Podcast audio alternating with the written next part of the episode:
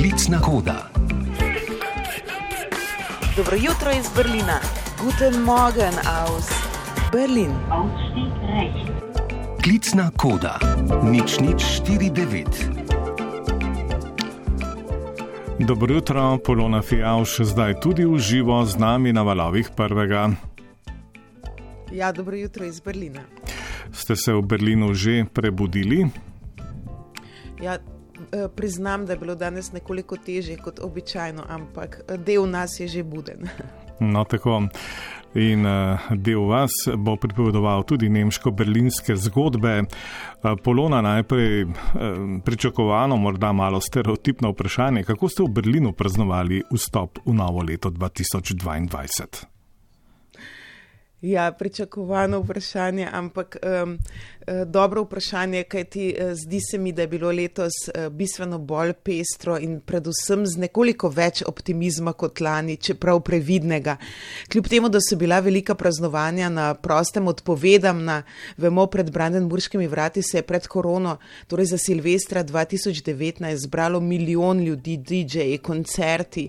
In zdaj, ko sem letos snemala pred Silvestrom reportaže o dogajanju, sem srečala številne turiste, prebivalce Berlina, ljudi, ki so prišli iz Nemčije.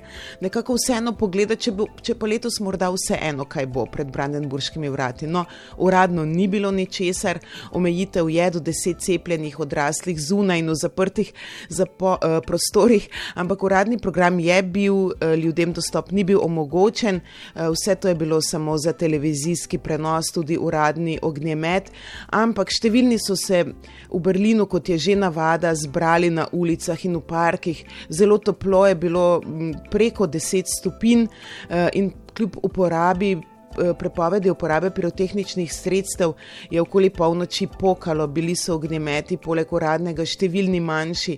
In ja, Berlinčani so pričaka, pričakali novo leto na ulicah, v parkih, slišati je bilo glasbo. Policija je zabave nekako v manjšem številu na prostem celo pustila nekaj časa, potem pa so jih počasi razp razpustili in poslali ljudi domov. Bilo je nekaj ranjenih v nesrečah s pirotehničnimi sredstvi, čeprav so jih prav zato prepovedali tudi letos da ne bi dodatno obremenili bolnišnic. Um, Ampak kot rečeno, nekako več veselja, navdušenja nad prihajajočim letom je bilo čutiti tukaj za Silvestrova, morda tudi zato, ker je bilo tudi nekako decembrsko vzdušje, božične tržnice brez omejitev, ob upoštevanju pogojev PC, seveda.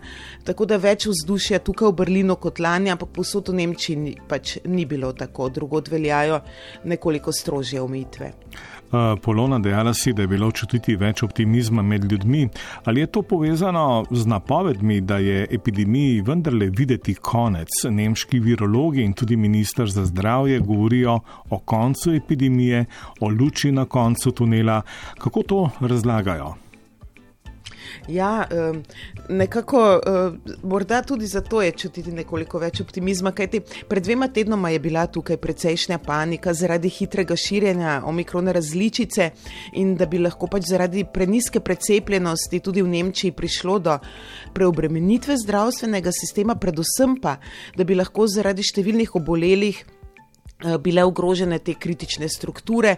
Um, no, med prazniki so na polno cepili, še 31. decembra se je cepilo preko 100 tisoč ljudi. Uh, so sprejeli torej nekaj dodatnih omejitev, kjer še niso veljale, predvsem omejitev zasebnih gibanj, zaprtje klubov in diskotek. Uh, v nekaterih deželah so omejili tudi delovanje barov in restauracij, tukaj v Berlinu ne. No, ampak ministr za zdravje, Karl Lauterbach, ki je sicer vedno previden in svari, um, poziva uh, k strožjim ukrepom, je v petek zvečer na Silvestrovo dejal, da pričakuje, da je omikron blažja različica, da je manj zapletov kot pri delta varianti, zato da je previdno optimističen. In tako kot si dejal, uh, ja, da vidi luč na koncu tunela, podobno številni virologi, ki so se oglasili v Nemčiji v teh dneh. Vsi omenjeni namreč menijo, da je potek razvoja uh, v Južnoafriški republiki, da nekako to ponuja pogled v prihodnost prihodnost, da se lahko še vedno zaplete, ampak prevladuje ocena, da virus prerašal endemijo in um, da bi lahko ljudje nekako ob njem spet normalneje zaživeli in da ne bi bilo več nekakšnega strahu. Torej, je možnost, da se obrne drugače, ampak uh, res je več optimizma za prihodnje mesece, kot ga je bilo iz strokovnih krogov tukaj v Nemčiji zaznati kadarkoli doslej, torej od marca 2020. Če vedno pozivajo ljudi naj se cepijo, um, to poteka še zmeraj s polno paro, bom rekla, ampak vseeno uh, nekako optimizem, da bo ta blažja različica um, spremenila virus v nekaj, s čimer bomo lahko spet normalno živeli. Nemčija pa je v novo leto prvič po 16 letih stopila brez nagovora Angele Merkel, tega je imel novi kancler Scholz, ki je pozval k enotnosti in sodelovanju v državi. Polona, kakšna so pričakovanja Nemcev od nove vlade v tem letu? Ja, seveda, uh, bili smo navajeni 16 let, da vsako uh, med Božičem in Novim letom ali za Silvestrovo gledalce nagovori uh, Angela Merkel, da pove, kaj je bilo pred, predvsej nečustveno, uh, kot je bilo v njeni navadi in ljudem zagotovi, da bo vse v redu tudi v prihodnje. Uh, lani je imela zadnji nagovor, takrat je bila zaradi, predvsem zaradi korone, zelo, zelo čustvena. Prvič smo jo doživeli tako v tem nagovoru govoru, ko je pozivala ljudi, da naj bodo previdni, naj se cepijo. No, zdaj prišla nova vlada, ki je vso predvoljivno kampanjo govorila o novem začetku, o prelomu. In seveda, zdaj nekatere je to skrbelo, v drugih zbuja upanje. In uh, ko sem spraševala mimo idoče tudi o tem, ali jim nova vlada zbuja več optimizma, so bila mnenja zelo različna. Vidi se, da je še vedno precejšnja negotovost ob odhodu Merklove, ki so jo številni imeli za garanta varnosti in uh, predvsem za garanta za to, da bodo stvari ostale kar se da enake. Ampak nova vlada. Ja, želi spremembe na številnih uh, področjih, hkrati pa je tudi kancler Olaf Scholz, ki je v tem zelo podoben Merklovi, da deluje precej um, nečustveno, um, nekako celo dolgočasno, uh, ampak v novoletnem nagovoru, uh, prvem svojem, Eh, državljanom je dajal vtis, da želijo te spremembe uvajati odgovorno in pri teh spremembah sabo potegniti čim več ljudi, želijo si družbenega konsenza. Um, vemo, Šolc je med um, predvolilno kampanjo govoril o tem, kako pomembno je spoštovanje drug do drugega. In um, to je znova ponovil, da morajo ljudje nekako sodelovati, da naj sodelujejo, da naj spoštujejo različna stališča. Hkrati pa je seveda tudi on pozival, pozival ljudi, naj se cepijo, da, cepijo, da je to edini izhod in da razume, da imajo dru, različna stališča, ampak da je znanosti treba zaupati in nekako biti enoten tudi pri tem. No, vemo, nova nemška vlada v tem letu napoveduje zvišanje minimalne plače na 12 evrov na uro, izgradnjo 400 tisoč novih stanovanj, od tega četrtino socialnih in tako vsako leto naprej. Um, tako da to pričakujemo letos, za vse ostale spremembe pa bo treba še nekaj časa počakati, kajti uh, treba je pripraviti zakonske podlage za podnebni preobrad, ki ga napovedujejo, za prehod na obnovljive vire energije, za podnebno neutralnost, ki jo Nemčija želi doseči do leta 2035. Tako da vse to, kar sem povedala, je razlog za nekaj več nove energije, zagon je čutiti, ampak kot rečeno, to prinaša upanje, ampak tudi strahove.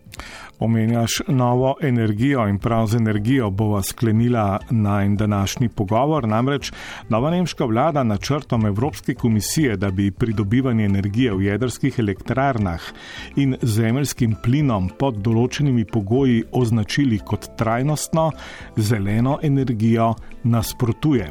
Letos bodo zaprli zadnje še obstoječe jedrske elektrarne. Polona, zakaj Nemci tej uvrstitvi tako močno nasprotujejo. Ja, tako je. Nemci že tradicionalno jedrske energije ne vidijo kot zelene, kot trajnostne. Tudi Merklova je ni. Ona je ta, ki je sprejela odločitev po nesreči v Fukushimi za zaprtje jedrskih elektrarn prej, kot je bilo prvotno predvideno, kot je predvidel Šreder pred njo. Ampak ja, Nemčija je prav petek, ko je prišlo to sporočilo Evropske komisije, zaprla še tri obstoječe jedrske elektrarne, tri namerava zapreti letos. Nova nemška ministrica za okolje iz seveda seveda stranke zelenih Štefi Lemke, je predlog eh, označila povsem, za povsem napačen.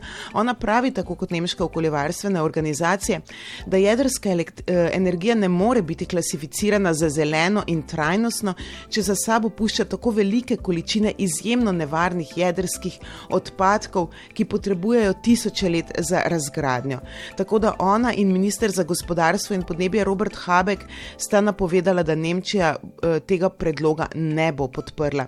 Vidimo, da se zdaj znotraj Evropske unije ustvarjata dva bloka, Nemčija in Avstrija nasprotujeta temu, Francija je nekako pobudnica tega, tudi Slovenija je tukaj na strani Francije, eh, ampak Nemčija ne želi, da se z evropskimi sredstvi financira gradnja dodatnih jedrskih elektrarn, pa shranjevanje in odlaganje jedrskih odpadkov, čež da je to povsem nedop, eh, nedopustno, negospodarno in okolju škodljivo. Tako da tukaj bomo priča krčevitemu merjenju moči na evropskem parketu v tem letu. Nemčija pa vemo po drugi strani še vedno ni dala dovoljenja za odprtje plinovoda Severni tok 2, ki je pripravljen. Plin naj bi že bil v ceveh, ampak spor je tukaj tudi znotraj nemške koalicije, kajti Vemo, da uh, gre tudi za klasifikacijo naravnega plina kot zelene energije pri predlogu Evropske komisije in svobodni demokrati znotraj koalicije to podpirajo, stranka zelenih in njeni ministri pa ne. Tako da tudi to je nova nemška vlada, povsem različnih interesov, liberalci za gospodarske, zeleni za okoljsko zaščito, ampak kancler Šolc se je izkazal za gospodarja kompromisov v koalicijskih pogajanjih in zdaj glede na to, da je daleč najbolj izkušen politik, politiko nemški vladi. Vsi ministri so bistveno manj, ima nadzor nad vlado bolj kot Merklova, tako da verjamem, da bodo našli uh, konsens uh, tudi kar se tiče energije, tudi uh, glede naravnega plina in tudi uh, glede vsega ostalega znotraj nemške vlade v tem letu, ampak bo bistveno bolj pestro, kot je bilo v preteklih letih. No, ideja, da bi uh, jedrsko energijo označili kot trajnostno, zeleno energijo, je razburila tudi sosednjo Avstrijo in očitno se pri tem vprašanju jedrske energije um, kompozicija nemško-francoskega uh, vlaka malo razhaja, deli na dvoje. Kot si dejala, mi smo se znašli v francoskem vagonu in videli bomo, kako bo šlo naprej. Polona Fjauš, hvala lepa za tole uverturo v klicno kodo v letu 2022. Dober teden ti želim v nemški prestolnici. Najlepša hvala, jaz pa vsem uh, srečno in veliko upanja v 2022.